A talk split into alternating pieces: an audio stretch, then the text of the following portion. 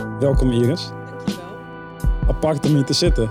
Want ja, eh, je? ja, we, we kennen elkaar en dan nu opeens eh, zitten we weer tegenover elkaar na een jaar. Volgens mij heb ik je wel gezien. Klopt. Ja, een jaar geleden was je Ja. hier nog. De hele history eh, samen Ja. in Groningen. Daar gaan we het zo over hebben. Ja, zeker. Leuk dat je weer aanschuift bij onze podcast. Ja, gezellig. Voor de mensen die je niet kennen, ik vind, die kunnen je wel googlen, denk ik. Dus ik denk dat we even iets anders over jou moeten vertellen van wat ze nog niet van jou weten. Dus ik ben wel even benieuwd als we je ouders zouden vragen hoe ze jou zouden omschrijven. Wat zouden ze dan zeggen? Mijn ouders. Ja, Mijn ouders zouden denk ik zeggen dat ik extreem eigenwijs ben en altijd overal eh, wegren, zeg maar. Altijd op Ja. zoek ben naar nieuw avontuur, weg uit, het, uit de sleur, zeg maar. Ik ben opgegroeid in Friesland bij mijn ouders en het was altijd veel te klein voor mij. En eh, sinds ik jong ben wilde ik altijd weg, weet je wel. Weg naar de grote stad, weg naar het buitenland. Ja. En ik vond het altijd saai wat ze deden. Ik vond het leventje te beperkend. En eh, mijn moeder die snapte dat nooit, mijn vader ook niet. Die zijn super blij in Friesland. ja, Dus eh, ik denk dat ze zoiets zouden zeggen. Ze wil altijd weg. altijd weg. Beetje onrustig. Ja, precies. Ja. Ja, Maar je hebt je rust gevonden hier. Ik heb mijn rust, eh, nou ja, gevonden. Ik ga natuurlijk weer bijna weg. Ja. Ehm, ik heb de rust nooit echt gevonden nog, Nee? eigenlijk, to be honest. Nee, Even voor de mensen die het niet weten. Jij bent een nieuwe NOS-correspondent in Rusland. Klopt. Ja, Je gaat de komende maanden waarschijnlijk dan starten. nu nog in Eh, Hilversum inderdaad. Je werkt een aantal jaar voor NOS. Klopt Je bent inderdaad. begonnen bij Mashup als het goed is. Ja, inderdaad. Dat bestaat al niet eens meer. Ja. wat, was, wat was de grote uitdaging toen jij hier kwam eh, werken? Mm, voor mijzelf? Of, ja, en voor het eh, bedrijf en wa- waar jij mee bezig bent gegaan? Nou, ik ben hier stage gaan lopen bij NOS op 3. En dat is een hele professionele redactie al. Dus ik werd direct in een soort... Ja, in de redactie gegooid. Ik mocht mijn eigen dingen doen. Verslag, mooie professionele verhalen maken. En na mijn stage mocht ik blijven om te helpen met het opzetten van een nieuw YouTube-kanaal voor tieners. Mashup. En dat was gewoon echt beginnen bij zero. Dus eh, je hebt een doelgroep die geen nieuws kijkt. Want tieners zijn, nou ja, hebben we toch wel gemerkt, over het algemeen minder geïnteresseerd in alles wat er in de wereld speelt. Maar meer, meer hun eigen kleine wereldje, zeg maar. Dus een doelgroep die geen nieuws kijkt. eh, met echt een budget van 50 euro per week een YouTube-show bouwen. Dat was echt, eh, echt een uitdaging. Helemaal omdat ik nog vrij nieuw was zelf, weet je wel. Maar voor jou was het een, een makkelijke stap, want je hebt zelf een achtergrond als beautyvlogger. Ja, dat klopt inderdaad. Ja. Dat was- weten ook niet veel mensen. Nee. Nee, dus dat wil ik ook even aanhaken. Want je zat redelijk, ja, redelijk in het beginstadium Ja. van Instagram. Ja, Was je al behoorlijk actief. Ja, Zo heb ik je ook leren kennen, omdat je altijd voorbij kwam op mijn timeline. je was een van de weinige Groningse, tenminste je woont in Groningen, Ja. vloggers. klopt Vloggers. inderdaad. Wat Ja, was het, een vlogger of een blogger? Het was een combinatie van. Het begon met een blog inderdaad. En toen kwam opeens YouTube kwam, eh, kwam erbij. En toen gingen we vloggen met z'n allen. Of Hoe- tutorials maken. Hoe heb je die periode ervaren? Ja, was fantastisch. Ja? Het was gewoon, eh, het was één grote leerschool wat we gewoon zelf deden, weet je wel. Het was, het was een hobby die, eh, die groot werd. En eh, ik weet nog dat ik echt thuis had ik mijn camera, mijn setup. Weet je, ik was gewoon aan het studeren en in mijn vrije tijd was ik blogposts aan het schrijven over lipstick. En probeerde ik een soort beautyjournalistiek te creëren, wat er helemaal niet was of niet echt bestond. Want hoe ga je kritisch zijn op producten die jou toegestuurd worden, weet je wel. Dus dat was een heel, heel ja, speelveld voor mij. Maar dat was, dat was fantastisch, want ik leerde mijn camera kennen. Ik leerde eh, hoe YouTube werkte. Ik leerde algoritmes van Instagram kennen. Het was een hele goede leerschool. Ja. Hoe, hoe is eh, Instagram in jou op zich eh, veranderd? Oeh. Ehm, nou, toen ik begon heb ik het idee dat het nog een beetje onschuldig was, zeg Ja. maar. Het was gewoon... Ik, toen ik begon was het echt, als je 100 likes had, was het echt amazing. En je kreeg misschien een keer 50 euro als je make-up wilde uitproberen. Dat was fantastisch, weet Ja. je wel. Het was een soort uit de hand gelopen hobby. Ehm, de laatste jaren is dat natuurlijk heel erg ontwikkeld tot een enorme business. Waar je echt voor een, een post, als je echt een goede influencer bent, dat je gewoon eh, honderdduizenden euro's vangt. Het is gewoon een hele andere wereld geworden. En daarbij ook een hele shady wereld die daarachter is ontstaan. Van bedrijven die likes verkopen. Weet je wel, mensen die in commentpots zich gaan organiseren om aan comments te komen. Het voelt gewoon niet meer oprecht. Dat, eh, dat was het in het begin voor mij nog wel. Zou jij Ja. eh, opnieuw in Instagram stappen als je nu zou moeten beginnen? Nee, Nee? nee. Om, om, om deze redenen, dat het gewoon een shady wereld aan het worden is. Dat, maar ook, ik denk dat je er nu niet zo snel meer tussen komt. Dus dan moet je echt weer hele. Je moet, als je nu bij nul begint, en je, ja, misschien als je een heel goed concept hebt of een heel uniek iets, dat je daartussen komt. Maar volgens mij is die leap om te komen waar die influencers zijn die daar al tien jaar aan werken, dat is bijna niet meer te doen. Ehm, en ik moet zeggen dat ik ook op een gegeven moment een beetje inhoudloos begon te vinden. Ik was zelf heel erg toe aan verdieping en aan eh, andere verhalen dan eh, producten en kleding. Dus, maar dat was voor mij persoonlijk. Maar ik zou ook- het niet meer doen. Ook die combinatie die je toen had, want je studeerde toen journalistiek op de universiteit. Ja. En dan eh, dat Instagram, het lijkt heel lang geleden, is het eigenlijk niet, maar het, het werd Nee. nog niet echt gezien als een, als een medium met, met betekenis. Nee, klopt. Het was echt Een beetje als TikTok nu wordt gezien. ja, Hoe, hoe werd er toen naar jou gekeken op de, op de studie? Mm, iedereen vond het gewoon een leuke hobby van mij. Ja, het is ook, ik ben nooit echt heel groot geweest of zo. Dus die hele, hele hype, weet je wel, dat je echt een mega influencer bent, dat heb ik nooit meegemaakt. Volgens mij begrepen mensen het niet echt van, huh, waarom zet je foto's van jezelf in make-up en zo? Waarom Ja. maak je video's? Mijn moeder die zei ook een keer tegen mij van, eh, waarom vind je het zo leuk om eh, foto's van jezelf de hele tijd te maken en te uploaden? Weet je wel, Ja. die snapte er echt helemaal niks van. Dat werd toen ook nog niet echt. Weet je, mensen plaatsten familiefoto's op Instagram. Het was een soort dagboekje, fotodagboek. En wij gingen opeens make-up, outfits, alles Ja, posten. ja. Weet je wel, het was, eh, dat was heel anders. Maar het heeft je wel geholpen, want volgens mij in het beginstadium van, in ieder geval de reportages die, die ik heb gezien, had het wel altijd wel iets te maken met een beetje ja, die nieuwe wereld, Instagram en wat speelt. Zeker. Je, Ja. hebt, je hebt volgens mij een keer een eh, documentaire gemaakt, of een serie van eh, ehm, jullie mensen op Instagram exposen. ja, inderdaad. Ja, Ja. ja, we hebben het- tenminste expose we gingen over Telegram. ja. Instagram gingen we in de, ja, dus in die shady wereld duiken. Ja. Van hoe zit dat met die mensen die likes verkopen, die er heel veel geld aan verdienen? Eh, welke influencers zijn fake? Weet je wel? Eh, wie Was dat niet moeilijk voor jou? Is een beetje je eigen wereld waar je bent begonnen. Ja, maar ik was er al een beetje uitgestapt. Ja. En eh, ik wist hoe het werkte. Dus daar had ik een heel erg groot voordeel Ja, in. ja, Weet je, ik zag die commentpot zelf ook voorbij komen. En niemand wist er nog van. Dus dan heb je gewoon een verhaal wat je zelf ontdekt. En daardoor eh, kan je ook makkelijk contact leggen met iedereen. En dat verhaal gewoon uitbouwen. Dus, En voor de mensen die niet weten wat, wat de journalist eigenlijk doet, mhm. hoe zou je dat omschrijven? Wat een journalist doet. Ja, wat jij doet als Mm. journalist. Verschil denk ik heel erg wat voor soort journalist je bent. Ja, Dus schrijf je voor een krant of werk je voor de televisie is echt een wereld van verschil. Ook als je voor online producties maakt of voor nou ja, geschreven media. Weet je, het is compleet anders. Maar als je een beetje general zou moeten zeggen, denk ik dat het belangrijk is dat wij informatie verzamelen. En dat op zo'n manier presenteren dat jij als kijker of als luisteraar of als lezer, dat jij de informatie hebt om je eigen mening te kunnen vormen over Ja. een bepaald onderwerp. Ehm, en die informatie moet kloppen en die informatie moet eh, objectief zijn, zo ver mogelijk. We zijn allemaal menselijk, maar een poging tot objectiviteit, hoor, wederhoor, alle kanten aan het woord laten. Ja. Zodat mensen gewoon zelf alle informatie hebben om ja, hun mening te vormen en, en geïnformeerd te zijn over wat er allemaal gebeurt. Dus jij helpt mij iets verklaren en ik kan mijn eigen mening Ja, vormen. ja, Of je geeft me handvaten om mijn mening te vormen. Precies. Gebaseerd op ja, zoveel mogelijk feiten. klopt. Ik denk dat dat, dat Ja. wel ook het doel is van de journalistiek. Dat je ook, weet je, het originele doel wat wij leerden op de opleiding is dat je de, de machthebbers controleert. Je Ja. bent kritisch, weet je wel. Kan iedereen zijn gang gaan? Mag dat zomaar? En, en worden er grenzen overschreden? Ja. En klopt het wat daar gebeurt? Ge- Is er onrecht wat gebeurt in de wereld? Weet je, dat probeer je gewoon uit te zoeken. Ehm, zodat iedereen weet wat er speelt in de samenleving. En dat is gewoon heel belangrijk, denk ik, als je een open samenleving wil hebben waar iedereen elkaar begrijpt. Ja. En heb je het gevoel dat je meer van de mensen bent? Of heb je het gevoel dat je meer bent van de dingen waar jullie over schrijven? Politiek, overheid, noem het maar op. Ik ben echt wel meer van de Van mensen. de mensen, hè? ja, Ja. ja. zeker. En eh, wa- wat je vaak hoort, en als je dan ook ja, op eh, Twitter bijvoorbeeld bent, waar ik, waar ik dan heel soms op kijk, dan, dan zie je ook vaak dat mensen toch wel het gevoel hebben dat de media hun mening wil vormen.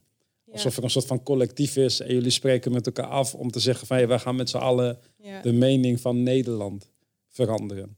En dan gebruiken ze hashtag fake news, et cetera. Mm, Dan kan je daar iets over vertellen van klopt dat? Komen jullie soms samen? Domme vraag eigenlijk, maar soms, Ja, sommige mensen denken dat hè? ja, je leest het inderdaad heel veel. En ik moet zeggen dat ik dat soms best wel pijnlijk vind om te lezen. Ehm, kijk, weet je wat het is? Je kan het eigenlijk nooit goed doen als media. En ik spreek even gewoon namens mijn werk, zeg maar. Er, welk verhaal je ook maakt, er is altijd een groep mensen die eh, zich niet kunnen vinden in dat verhaal, omdat het niet hun mening vertegenwoordigt of omdat het niet hun denkbeeld is of hun perspectief. Ehm, maar ergens, wij zeggen hier altijd, als we op Twitter zowel van links als van rechts, zowel van oud als van jong kritiek krijgen, weten we dat we het goed hebben gedaan, Ja, want ja, dan zitten we in de middel. Ehm, dat proberen we ook echt wel te doen. Maar. Weet je, wij maken ons werk met, het, met de intentie en het idee van we willen iedereen bedienen, iedereen in de samenleving, we willen nieuws maken voor iedereen. Maar we zijn natuurlijk ook mensen en je hebt maar een bepaalde mankracht. Je moet soms keuzes maken die je niet wil maken. Ehm, we zijn ons ook heel bewust van de verschillende perspectieven. Als jij zelf alleen maar in een bepaalde omgeving zit, dan mis je misschien verhalen of dan zie je perspectieven niet. We proberen wel echt heel hard daaraan te werken om dat allemaal, uh, om dat zoveel mogelijk, ja, hoe zeg je dat, mee te nemen en ons daar bewust van te zijn dat we iedereen, iedereen bedienen, welke kant dan ook. Maar, maar het is gewoon niet waar. Wat? Wat mensen zeggen.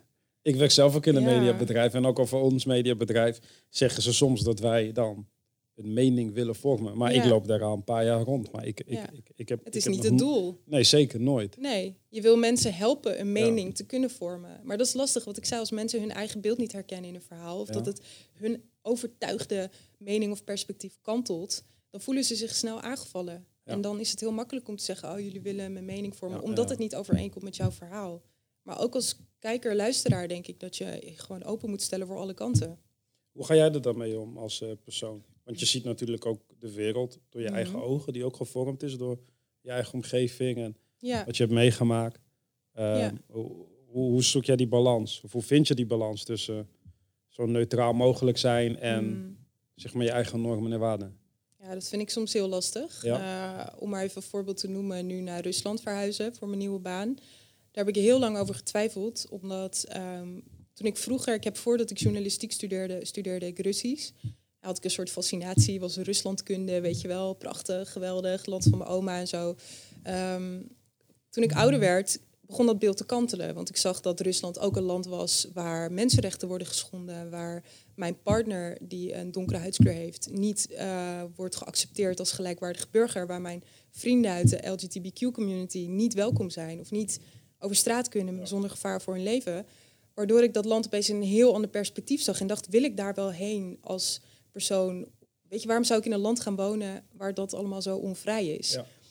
Maar ik heb daar heel lang mee gestruggeld en ook heel lang over nagedacht. Maar ik heb wel alle, denk ik, inmiddels alle skills om juist extra kritisch te zijn als journalist. En dus vanuit beide kanten alle verhalen te kunnen zien. Dus ik, ik, ik voel die liefde voor dat land, maar ik voel ook die afkeer en die haat soms. En ik denk dat in de middel, als ik daar professioneel objectief in probeer te blijven, dat het mij een betere journalist uiteindelijk maakt als je alleen maar die kant hebt van fascinatie of liefde of alleen maar die afkeer, dan ga je daar geen verhalen kunnen maken, denk ik. Je kan in ieder geval kritisch zijn. Ja. Op bepaalde dingen. Ja. Uh, je hebt zelf ook Russische roots. Ja. Je bent meertalig. Ja, klopt. Je kan gedeeltelijk Turks, Russisch, Frans als het goed is. Een beetje. Want je vriend is Frans. Ja.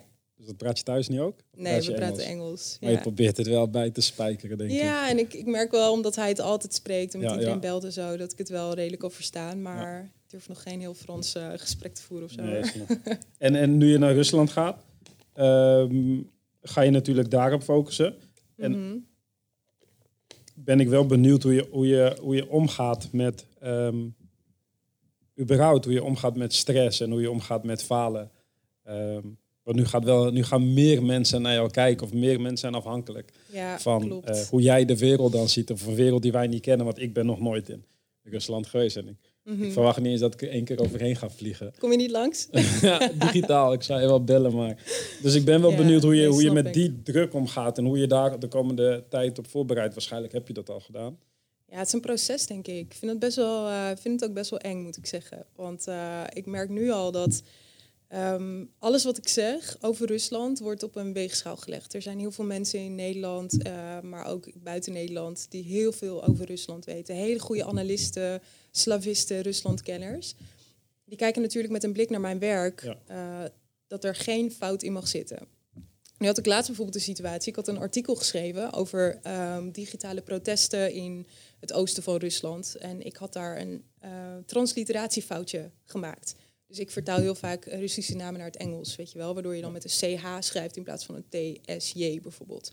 Um, dat stond in het artikel. Toen werd ik dus heel persoonlijk aangevallen van hoe durf je jezelf een uh, slavist te noemen als je dat soort dingen allemaal niet kan en zo. Ja. Toen dacht ik wel, dit is inderdaad wel, alles wat ik straks zeg moet eigenlijk gewoon flawless zijn. Ja, Want ik kan me bijna niet veroorloven om daar fouten in te maken. Dus die, die druk voelde ik toen opeens heel erg. Ik heb toen ook s'avonds dat ik echt thuis zat, ik dacht, oh my god, hoe moet ik dit straks doen? Hoe moet ik dit waarmaken, weet je wel? Dat alles inhoudelijk moet kloppen.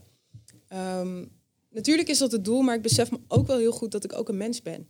En dat ik mezelf ook die tijd wil geven en moet geven om daarin te groeien. Weet je, je kan niet alles vanaf het begin af aan goed doen. En ik hoop alleen maar dat mensen daar ook een beetje begrip voor kunnen hebben, zeg Ja. maar. Weet je wel. En, dat ze je als eh, mens kennen. ja, dat ze me ook als mens zien en je Zien, probeert ja. het. En ehm, tuurlijk, je doet je best, maar als het fout gaat, hoop ik dat ik het ook als een les kan zien. En niet per se als een kritiek op, op wie ik ben of zo, weet je wel. Maar meer van, oké, oké, ja, fucked up, volgende keer weet ik het of zo.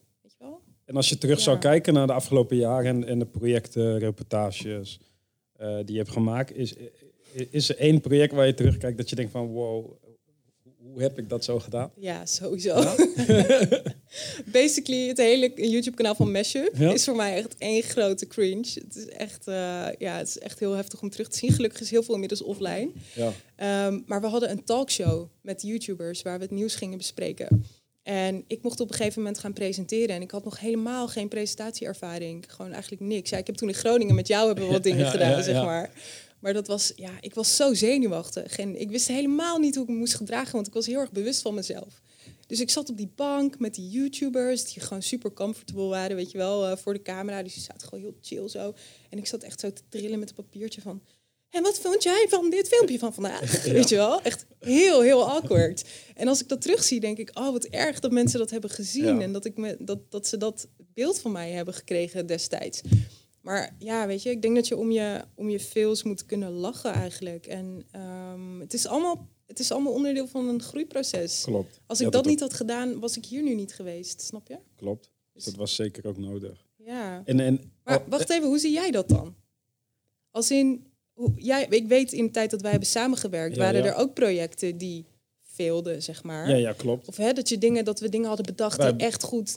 We hebben een documentaire gemaakt, die is nooit eh, naar buiten gekomen. Nee, Dus dat was wel een, eh een failure op dat vlak. ja. Ehm, Maar zie je het ook als een failure? Ja, ik denk dat je moet kijken. Ik, ik probeer het te splitsen in, in drie eh, zaken. Je, je- een project beginnen is al een eh, succes. Het proces van het project is een groot succes. Ja, Waar jij en ik eh, natuurlijk eh, elkaar heel goed hebben leren kennen. En eh, het slagen van het project, het uitbrengen van het project. Dus ik deel het gewoon in drie delen. ja. En het eerste gedeelte, zeg maar het bedenken van het concept, het ophalen van financiering en het samenstellen van een team. Mhm. met vreemde mensen, jij, wij betrokken Ruben, Ja. wij betrokken ik. In ja, best wel gewoon ja, Korte primitieve... tijd ook. Korte tijd en ook in een primitieve situatie. Ja, dat was gewoon succesvol. dan En het pro- waardevol. En waardevol. En dan, ehm, als je dan gaat kijken naar toen we echt begonnen en toen we het gingen doen, ja, daar hebben we, daar zou ik achteraf heel veel dingen anders doen. En eh, dat heeft er ook denk ik voor gezorgd dat er niet is uitgekomen. Dus ja, Ja. ik denk dat ik twee vinkjes zal zetten op de drie dingen. Ja, precies. Dus eh, ja, zo kijk ik er naar terug. Ja. Maar in voor de mensen die dus niet weten waar dit over gaat. Wij hebben dus een documentaire gemaakt over start-ups in Groningen. Ja, toen start-ups nog echt een, eh, Een ding waren. een ding waren. En zeg maar een soort van iets onbekends. Precies. Was het, eh, was het in Maar het geval. idee was echt goed. We zouden echt laten zien hoe Groningen zeg maar, eh, een klimaat had waar jij als start-up gewoon tussen kon komen en kon, kon booming kon worden. Zeg maar. We hadden echt goede hoofdpersonen die we volgden. We hadden alle organisaties die meewerkten. Vet veel kennis. En, Het was zo nice. Het project ik weet ook was niet ook wat er is mooi. gebeurd. Ja, geen idee. Ik heb er wel vrienden aan overgehouden. Kian is nog een hele goede vriend van mij. Wat Nou, jij goed, ja. en eh, Ruben eh, heb ik ook nog contact mee. Dus ja, Het dat, heeft mij geholpen ook hier om een stage te krijgen. Dat weet ik. Ja, ik kon hier binnenkomen en zeggen, ik heb een documentaire gemaakt. Ja, hij is niet gepubliceerd, maar ik heb hem wel gemaakt. Ja. ja, dus nee, het was een mooie tijd. Ja, Ja, dus eh, ja, ik kijk altijd wel gewoon terug. En dan ben ik wel op zoek naar de dingen die wel goed zijn gegaan. Dus Ja. ik, ik zie nooit dingen echt als een uh, Nee. failure. Wa- Wat me ook opvalt, is als ik een beetje terugkijk naar jouw profiel, wat je allemaal hebt gedaan. Heb je een soort van footprint? Ja. En ik heb dingen opgeschreven wat ik een beetje terug kan vinden. oké, ik ben wel benieuwd wat voor Ja, footprint maar hoe zou jij je eigen footprint eh, omschrijven? Ehm, ik vind het in mijn werk heel belangrijk om echt eh, menselijke verhalen te vertellen die sociaal-maatschappelijke impact hebben, zeg maar. Ehm, ja, dat is toch een beetje uit mijn persoonlijke leven, denk ik. Ja. Als in, eh, ik wil heel graag mensen aan het woord laten die je niet vaak in de media ziet. Ehm, mensen van kleur, mensen met een andere achtergrond, mensen die gewoon niet vaak genoeg een goede representatie geven van onze samenleving. Dus met dat idee in mijn gedachten probeer ik dat soort verhalen te maken. Verhalen over onrecht, verhalen over mensenrechten die geschonden worden, verhalen over onderdrukking, over uitbuiting, eh, vrouwenrechten, eh, ho- eh, homorechten. Al die dingen zijn belangrijk voor mij. Ja. Ik denk dat je dat wel terugziet in mijn werk. Ja, zag ik ook. Ik zag Ja. diversiteit heel veel. Ja, vrijheid, ja zeg ik veel. Emancipatie. Klopt. Ehm, een tintje, een tintje van, je laat ook een tintje zien dat je een beetje, eh, ik haat dat woordje, maar ik kon niet een ander woord vinden, maar dat je in ieder geval stadscultuur snapt, urban, dat je dat snapt. Stadscultuur. ja, Ja. ja, de, voor de, ja, Ja. Ik, ik wil het, ik, je kan het moeilijk een naam geven, maar het is toch wel een andere cultuur of zo. Wij zien bijvoorbeeld een rapper niet als een rapper, dat is gewoon een, Ja, een persoon die we kennen. En dat valt me ook op dat je, dat je, Ja. dat je daar in ieder geval ook wel kennis van hebt. Ja, ik Eh, denk dat dat, dat dat, om daar even op aan te haken, dat is, komt heel erg uit mijn privéleven natuurlijk. Maar dat helpt dus mijn werk in Ja. een voor mij positieve manier. Dat je dus, ik, ik ken ook veel journalisten die, ehm, nou ja, toch in een bepaald soort wereldje zitten met dezelfde soort mensen. Dan krijg je dezelfde soort verhalen. Dat is gewoon niet eh, representatief, letterlijk. Ja, dat is ook wel een leuk bruggetje naar een beetje de tijdsbestek waar we nu zitten. Is dat je toch ook Zeker. ziet dat, dat mensen eh, geneigd zijn om mensen eh, aan te spreken, te vragen voor dingen. En ook te werken met mensen die uit hun eigen omgeving komen of die ze zich herkennen. Ja. Dan zie je toch ook wel dat je vaak gewoon homogene groepen krijgt. Ook in de media, dus ook de mensen die worden geïnterviewd. En bij jou is dat in ieder geval niet het geval. Want ik zie gewoon een hele hoge mate van eh, diversiteit. Of nou leeftijd, geslacht, seksualiteit, cultureel, Mm. trying to- geloof. ja, Ehm, Ik vind dat heel belangrijk. En ik vind het ook heel belangrijk dat ik niet als journalist, want ik ben zelf ook wit, obviously, dat ik niet degene ben die gaat praten over al die issues, maar dat ik juist de mensen die dit meemaken, de mensen die daar eh, onder lijden, zeg maar, dat zij een platform krijgen. En die kan ik bieden vanuit mijn werk. En dat is voor mij, geeft zoveel voldoening in mijn werk. je, hoort, je, je hoort wel vaak dat eh, men de, de, de media dan als wit beschouwt. En dan met name ook de grote media die ook gevestigd is in Hilversum. Ja, Maar dat is dus niet zo als je naar jou kijkt. Jij bent wel een voorbeeld van eh, iemand die daar Mhm. geen last van heeft. Als je dat een soort van probleem, eh, als een probleem zou stellen.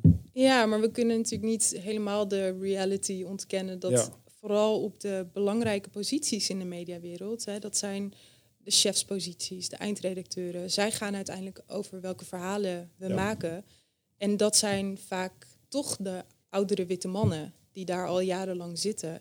En voordat die- daar een verschil in komt, dat daar ook mensen met andere achtergronden van andere kleur terechtkomen, dat is volgens mij, heeft, daar moeten we op gaan focussen. In Denk de je niet dat het nu een kwestie van tijd is? Dat hoop ik. Ik hoop het echt. Ik, ik denk het wel, want wat mij in ieder geval opvalt is dat waar dit eerst ehm, werd gedragen door, door eh, ja, anders, eh, anders gekleurden, zeg maar, ehm, wordt het ook gedragen nu door, door gewoon de, de witte gemeenschap in Mhm. Nederland. En dat vind ik de grootste verandering, want ik, ik kan ook urenlang praten over dingen die ik heb meegemaakt, waar ik dan soms ook mijn vraagtekenen bij stel van is het eh, omdat ik een eh, kleurtje heb en ik, ik, ik, ik wil nooit in een slachtofferrol zitten. Dus ik eh, veeg het af. Alleen nu valt het me wel op als ik dan kijk naar wat nu gebeurt, is dat het ook gewoon wordt gedragen door een hele grote groep mensen die, die, die gewoon eh, blank wit zijn in Nederland. En ik denk dat dat de grote verandering is. Ja. En ik denk dat het Ja. ook een kwestie is van eh, tijd. Want als je gaat kijken naar de nieuwe Nederlanders, zijn de meeste ook maar twee generaties. Mijn moeder is in Nederland gekomen uit Suriname. ja, De meeste zijn ook maar twee generaties in Nederland. Twee, drie. klopt. En dan, het duurt ook nog wel even voordat hun kinderen en dan hun kinderen eh, de juiste opleiding krijgen. Juist geduld, juist een Mhm. netwerk. En dan ook nog eh, de juiste stappen gaan nemen, Mhm. zodat ze op die posities komen. ja, ik denk dat je daar zeker... Ben jij daar niet een voorbeeld van? Ik denk namelijk Nou. wat het probleem is, is dat veel Ja. mensen willen dat eh, er gekleurde mensen op die posities komen. Maar dat vind ik misschien ook wel een stapje te ver. Maar wat ik heel mooi zou vinden, is dat mensen op, posities, op belangrijke posities komen die gewoon eh, snappen dat cultureel divers werk of een cultureel diverse afspiegeling van je Mhm. bedrijf veel voordelen oplevert. Ja. En dat zou ook een blanke persoon kunnen zijn. Alleen het moet wel iemand zijn die uit zo'n gemeenschap komt. Ik denk dat dat de eerste stap is. Misschien, maar ik vind... Ik, ja, toch denk ik dat je als, als wit persoon toch vaak niet helemaal de alle nuances kan Dat klopt. of de toon kan snappen. Ik merk het, ik merk het vaak al bij mezelf. En ik, mijn partner is zwart, mijn hele vriendengroep. Ik weet je, ik praat met heel veel mensen. Maar zelfs ik merk soms dat ik denk, ah, hier had ik toch iemand van kleur willen hebben die dit nu ging besluiten of ging maken. Omdat, omdat je het toch niet zo goed kan verwoorden misschien als iemand die hier dagelijks mee te maken heeft. Dus ik ben het met je eens. Het is denk ik een kwestie van tijd. Hoop ik ook heel erg. Dat dat, langzaamaan verandert. is. Er is meer draagvlak inmiddels. Dat voel, je, dat voel ik ook binnen deze organisatie. Ik voel het binnen de media. Dat er meer draagvlak wordt gecreëerd voor andere verhalen, mensen met andere achtergronden, et cetera. Maar ik denk ook dat er dapperder gekozen moet worden. Als er banen worden opgevuld, als er functies vrijkomen. Wees ook een keer dapper om misschien iemand neer te zetten die niet al die jaren ervaring heeft, maar wel de juiste kwaliteiten. Weet je wel? Dat je wel actief ook eh, durft te kiezen voor iemand die je misschien niet per se op een plek verwacht volgens hoe het altijd is geweest. Ja, Snap maar verandering is ook heel moeilijk. Ik denk dat we wel, ik denk dat we heel veel praten over waarom het moet veranderen. Mhm. Ehm, en ik denk dat ook heel veel mensen kunnen aangeven eh, wat het met hun doet. Zeg maar dat ze zich uitgesloten voelen of dat ze uitgesloten worden. Ehm, maar ik denk dat we, dat, of, ja, ik vind het ook fijn om te kijken naar, oké, ik wil, ik, ik ben niet degene van het probleem aankaart. Ik ben heel erg blij dat heel veel mensen zijn die het aankaarten. Ik ben degene van het probleem oplossen. Ja, Ik denk dat het True. probleem aankaarten, die is, dat is nu geweest. En dat is heel goed geweest. Mhm. En nu is het relevant, bespreekbaar. Want eerst was het ook een taboe om te bespreken. Ik heb zelf vorige week een, sessie met onze directie gehad om hierover te praten. En Wat goed. ik kan me niet voorstellen dat we... Ik Wat kan me zeiden wel zij dan bijvoorbeeld? Of hoe reageerden zij op deze? Ik denk dat ze vorig jaar dat gesprek ook met mij zouden hebben. Maar ik denk dat, eh, eh, dat de relevantie nogmaals eh, is aangekaart. Eh, twee, Ja. denk ik ook dat mensen die het nu bespreken ook anders naar een situatie kijken, maar ook meer geduld, ook meer iets minder met emotie het verwoorden. Omdat het is heel moeilijk als je ergens emotioneel aan hebt verbonden of als je met Ja. emotioneel om, om je cool te gedragen. Kijk maar naar Aquatie. ja, zeker. Ik denk dat Aquatie bij uitstek een persoon is die op de dam kon staan om te protesteren. Ik denk dat hij het achteraf ook heel anders zou doen. Maar op dat moment zat hij er heel niet. emotioneel in. Ja, weet ik niet. Ik denk dat het juist heel krachtig is wat hij heeft gedaan. En volgens mij, ja, weet je, het is dat, dat die ene zin die hij zei eh, over... eh, En dat ja, dat weer eruit wordt ge- gehaald. Maar het is ook je, inderdaad het wat is een zijn doel emotie. was. Ja, En precies. op dat vlak, Moet je dan weer aanpassen in je speech om, om zoiets niet te, te kunnen zeggen, zeg maar. je moet Eh, alles kunnen vertellen. Ja, Alleen, ehm, hij heeft er ook als persoon en als professional nu last van. En ik denk dat we daar met z'n allen gewoon naar moeten kijken. Nou, oké, wie is degene die het aankaart en wie is degene die het gaat oplossen? En een probleem oplossen, ja, Ja. Dat, dat vergt gewoon samenwerking. Wij kunnen niet Eens. hier op de redactie lopen en zeggen... jij bent blank, jij gaat weg. Hier Nee. komt een eh, Marokkaanse meneer voor in de plaats. nee, Dus dat, dat, dat moet ook gewoon in een proces gaan. Ik ben wel benieuwd als jij dan dit zou zien. Want ja, ik, eh, ik zie ook dat je heel erg eh, betrokken bent bij dit onderwerp. Volgens mij Mhm. ook op persoonlijk vlak. Klopt, ja. Ik, je had laatst iets meegemaakt in Maastricht, was dat? Ja, Dat je vriend racistisch werd benaderd, Uitgescholden. ja, letterlijk, ja. in een winkel Ja, met veel mensen. niemand die iets deed. Dat had ook heel veel reacties. Je had ook heel veel reacties gekregen van Ja. mensen. Klopt. Vooral in deze tijd, weet je wel. Ik bedoel, everything going on in Amerika. Iedereen natuurlijk staat onder spanning, weet je wel. Je voelt al zoveel pijn. Ja. En dat er dan zoiets gebeurt en dat mensen gewoon niets doen. Ja. Ik, voel, ik was echt shocked. Gewoon. Hoe, hoe voelt dat dan voor jou? Als je dat dan ziet. Eh, het is heel pijnlijk, want het Ja. gebeurt de persoon van wie ik hou, weet je wel, die Ja. overkomt dat. Ehm, dus ik voel me persoonlijk ook aangevallen, omdat ik denk, ze vallen, weet je, he's part of me, ze vallen hem aan. Eh, maar ik vind het soms wel heel lastig, want ik ben van mezelf niet per se een conflict opzoekend persoon. Ik probeer Nee. altijd heel erg te deescaleren en dat soort dingen. Maar in zo'n situatie kom je daar niet mee weg. Want je kan zoiets niet deescaleren, weet je wel. Je kan niet denken van, oh, laat maar zitten en we Op gaan weg. En niet. Nee, dat, want het, voelt, het is zo'n onrecht. Dat, dat mag niet. Dat gaat diep, hè? Dat gaat heel diep. Ik, ik had laatst een gesprek met iemand erover die, die vroeg mij eh, eh, wat ik heb meegemaakt. En toen vertelde ik ook een verhaal van mij. En toen gaf diegene aan dat die dat nog nooit heeft meegemaakt. En ik zei, ja, ik ben met regelmaat bijvoorbeeld aangehouden in de auto. En ja. natuurlijk wordt er niet verteld, het is vanwege je, je, je tintje of je baard of je Mhm. kale hoofd of wat het dan ook is. Maar diegene gaf in ieder geval aan dat die dat nog nooit heeft meegemaakt. Ja. Ehm, maar ik merk toch dat het heel moeilijk is om erover te praten, omdat je zelf niet in een situatie hebt gezeten. Het is voor mij ook heel moeilijk om, ik gebruik dan dit voorbeeld om te bepalen of een restaurant rolstoelvriendelijk is, Mhm. als ik niet in een rolstoel ja. eh, zo'n restaurant benadert. En ik denk dat dat wel het geval is. Maar ik denk dat we nu, of nu, ik denk dat, het, eh, dat er ruimte nu is voor twee lijnen. Ik denk dat er ruimte nu is voor het probleem aankaarten. Mhm. Eh, en ook inderdaad dit soort incidenten of problemen of systematische problemen. eh, ehm, dat je die gewoon echt wel in ieder geval naar buiten brengt van dit gebeurt niet alleen in Amerika, dit gebeurt hier Ja. in Maastricht. Maar het besef volgens mij bij mensen Ja. moet nog wel, tenminste bij heel veel witte mensen, bijvoorbeeld familie uit Friesland en zo, ze kunnen zich niet voorstellen dat dit gebeurt in Nederland en hoe vaak het gebeurt. Weet je, los van dat incident in de, in de outlet, dagelijks eh, komen wij als, als wit en zwart stel zeg maar samen Ja, in ja. situaties waarin ehm, ik gewoon zie dat ik privilege heb omdat ik wit ben en dat mijn partner eh, achterna wordt gelopen door beveiliging, apart wordt gehaald, eh, op wordt neergekeken. Weet je wel, allerlei kleine dingen dagelijks. En ik vertel dat altijd aan mijn familie, want ik probeer ze altijd gewoon te educaten, zeg maar. Ja, Van ja. dit gebeurt er, weet je wel. Dit, vandaag weer dit, weer dit. Ze kunnen zich niet voorstellen hoe vaak dit gebeurt. En dan staan ze ook nog zeg maar heel dicht bij, een, eh, bij ons, weet je wel. Maar als jij totaal je eigen omgeving geen mensen spreekt van kleur, niet weet wat hier allemaal gebeurt.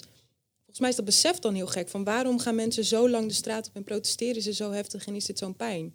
Ik denk dat dat besef nog wel moet groeien. Ehm, Ja, dat snap ik. Ik wel. ben een keer aangehouden met mijn dochter in een auto. En eh, die man vroeg eh, hoe ik aan de auto kwam en wat ik deed in, een, in de straat waar ik mijn eigen huis heb gekocht.